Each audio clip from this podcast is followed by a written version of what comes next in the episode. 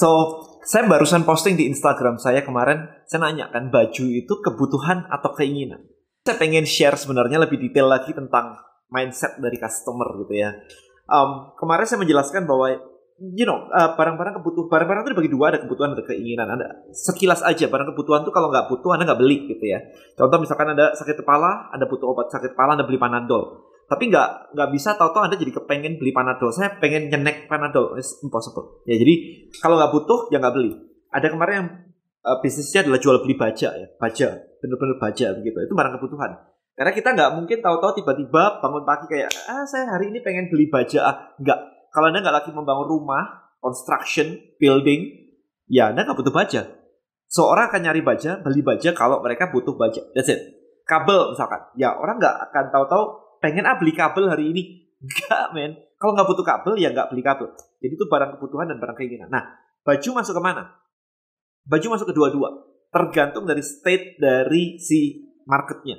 Kalau Anda nggak punya baju, atau baju anda baju anda kurang dari tujuh kemarin ada yang bilang gitu ya baju anda kurang dari tujuh untuk dipakai setiap hari maybe baju anda cuma dua gitu ya nah itu ada kebutuhan karena anda butuh gitu kan um, tetapi kalau misalkan baju anda di lemari anda lebih dari tujuh gitu bahkan tujuh aja udah kelebihan kan karena anda harusnya bisa cuci cuci cuci gitu kalau di lemari anda lebih dari tujuh artinya anda sudah keinginan untuk beli baju nah sekarang pertanyaannya adalah ketika anda beli ada jual baju atau anda jual fashion anda mentarget orang butuh atau Anda mentarget orang yang ingin? Nah dari sini Anda baru mikir nih, untuk jualan baju gimana strateginya? Nah pertanyaan ini masuk kemarin itu karena banyak banget yang nanya, dan kalau saya mau jualan casing handphone gimana? Gimana strateginya ya? Kalau saya mau jualan casing handphone yang di print, print on demand casing handphone itu kan, dropship casing gitu kan, bisa di print dan sebagainya gitu. Atau saya mau mau jual baju print on demand kayak Teespring. Uh, gimana strateginya? Nah sekarang Anda perhatikan, kalau dari ranah ini berarti tidak mungkin kita masuk ke ranah kebutuhan. Ya baju yang ada market yang ada jualin itu nggak mungkin nggak punya baju. Mereka sudah punya baju semua. Jadi untuk membeli barang Anda, mereka harus punya keinginan. Nah sekarang gimana caranya menciptakan keinginan untuk baju? Nah kita analisa lagi. Ketika Anda mendesain casing atau mendesain baju yang print on demand, bajunya sama ya. It's not desain gimana-gimana. Itu kan cuma tulisan kata-kata gitu kan. Berarti, kenapa orang membeli baju Spider-Man? Why? Saya nonton film Spider-Man, I like the movie. Tapi saya nggak bakal pakai baju Spider-Man. Nah sekarang perhatikan, apa? Kenapa orang pakai baju Spider-Man? Atau pakai baju Mickey Mouse gitu. Why? Ya kalau anak kecil sih urusannya beda ya. Kalau anak kecil kan ya dibeliin mamanya, dibeliin orang tuanya, that's it gitu. Tapi perhatikan sekali lagi, Mamanya apakah akan membelikan baju yang anaknya nggak suka? Pasti anaknya suka Mickey Mouse, habis itu dibeliin baju Mickey Mouse. Kurang lebih kayak gitu gambarannya. Anaknya suka um, film Cars, ya dibeliin bajunya Cars gitu. Mobil itu ya, Cars gitu. Um, kalau anda suka Marvel, suka Spider-Man, suka Superman, maka anda mungkin akan membeli baju Marvel, baju Superman. Nah, sekarang perhatikan. Analisanya kenapa sih seperti ini? Nah, simple banget jawabannya. Saya selalu suka menganalisa sampai ke root cause-nya ya, ke framework-nya ya. Kenapa orang berpikir seperti itu? Ya, channel saya adalah channel yang lebih mikirnya lebih banyak gitu daripada channel marketing di luar sana. Nah, intinya begini. Ketika orang suka dengan Spider-Man, maka sebenarnya dia su sudah memiliki sebuah identity. Maka saya memiliki video lain di channel YouTube saya yang namanya Identity Shift ya. Anda cari aja video saya judulnya adalah Identity Shift. Ya, mengubah identity sehingga menciptakan keinginan terhadap suatu produk yaitu identity shift. Maka menjual baju Spider-Man adalah kalau Anda bisa membuat orang menyukai Spider-Man dan dia mengatakan dirinya bahwa I'm a Spider-Man lover, maka saya akan pakai baju Spider-Man. Maka dari itu kalau Anda datang ke Universal Studio Disneyland, setiap wahananya diakhiri dengan merchandise dan merchandise-nya juga ada topi, ada jaket, ada sweater, ada hoodie, ada kaos gitu kan. Karena setelah misalkan setelah keluar dari wahana Transformer, dia akan ngerasa bahwa buset ya, seru banget ya. Aku sekarang jadi suka nih Transformer nih. Itu menjadi sebuah identity baru.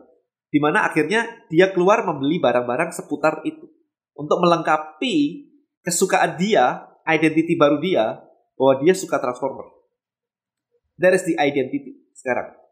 Ya, jadi kalau sebelumnya tanpa identity itu, Ya nggak ada semuanya. So identity ini yang sangat kuat banget untuk membuat atribut seputar identity tersebut jadi laku. Anda bayangin aja, kenapa dokter harus pakai jas putih? Karena that's the identity. Kalau nggak pakai jas putih, emang kenapa? Nggak kayak dokter. See, that's identity. Kenapa polisi harus pakai seragam polisi? Kalau nggak pakai seragam polisi, mbak, gimana? Ya, kenapa Romi Rafael, teman saya, pakai bajunya hitam-hitam? Ya, itu adalah untuk menekankan ke publik, ini loh identity saya. Kalau nonton bola, di Jakarta ada Persija, Jackmania semua pakai baju Jackmania. Why? Karena itu untuk menunjukkan saya pendukung Persija sebagai Jackmania. Jadi identity itulah yang membuat orang itu membeli barang. Nah, ada dua per, ada dua strategi sekarang. Ketika Anda mau menjual casing print on demand atau baju print on demand, ada dua strategi. Yang pertama adalah Anda create identity. Kalau Anda bisa meng-create identity, sebuah sebuah komunitas identity, maka Anda bisa menjual barang ke mereka. Simpel kayak gitu tadi. Ya, kalau sekolahan bisa mencetak dokter, maka otomatis jas dokter laku. Baju dokter putih-putih itu laku. Ya kan? Kalau nggak ada sekolahan itu, nggak ada dokter. Jadi Anda perhatikan frameworknya ya. Sekolah itu mencetak dokter, dokter itu membutuhkan stetoskop, membutuhkan jas dan yang lain-lain. Yang menunjukkan bahwa dia adalah seorang dokter. So, itu adalah frameworknya. Nah, step kedua adalah tidak mudah, karena tidak mudah untuk melakukan step pertama. Maka step kedua adalah Anda tap in, Anda mencari orang-orang yang sudah memiliki identitas khusus. Pecinta Mickey Mouse sekarang, kita cari pecinta Mickey Mouse ada di mana? Apakah ada di Facebook atau ada di Instagram? Nah, pencinta apa ini Anda harus ketemu nih di mana nih? Apakah bisa pakai iklan? Apa Anda malah harus kerjasama dengan pemilik komunitas, pencinta Doraemon, dan Anda jualan langsung ke sana, kerjasama dengan pemilik komunitasnya. Nah ini loh yang sebenarnya harus Anda cari. Nah sekarang dari sini, maka Anda tidak lagi random untuk menjual baju print on demand. Kata-katanya tidak bisa random saja. Anda harus mencari tahu orang-orang dengan identity tertentu itu slang word slang wordnya jadi kata-kata slang wordnya ya kata-katanya itu ngomongnya apa sih sehingga ketika Anda mendesain sebuah quote di baju, itu nancep banget ke komunitas dengan identity tersebut. Agama kita itu identity semua. Saya orang Katolik, saya orang Kristen, saya orang Muslim, saya orang Buddhis dan sebagainya. Hindu dan sebagainya. Itu adalah identity. Dan identity kalau di sudah sudah kuat seperti itu, maka atributnya akan jalan. Ya, atributnya akan jalan gitu. Jadi sekarang tugas Anda adalah mengidentifikasikan. Jadi terserah ada ada dua strategi untuk ini. Anda mengcreate sendiri sebuah sebuah identity baru, creating identity shift namanya. Ada strateginya semua di YouTube saya sudah ada semuanya.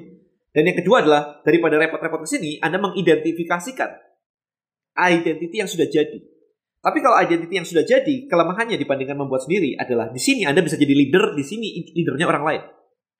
Di mana Anda harus bekerja sama dengan leader tersebut untuk distribusi. Jadi kalau misalkan Anda mau jualan baju ke um, pendukung Persija tadi, Jackmania namanya, kalau udah pertandingan gitu ya, ada ada sepak bola begitu, yang nonton pakai baju itu bisa puluhan ribu orang.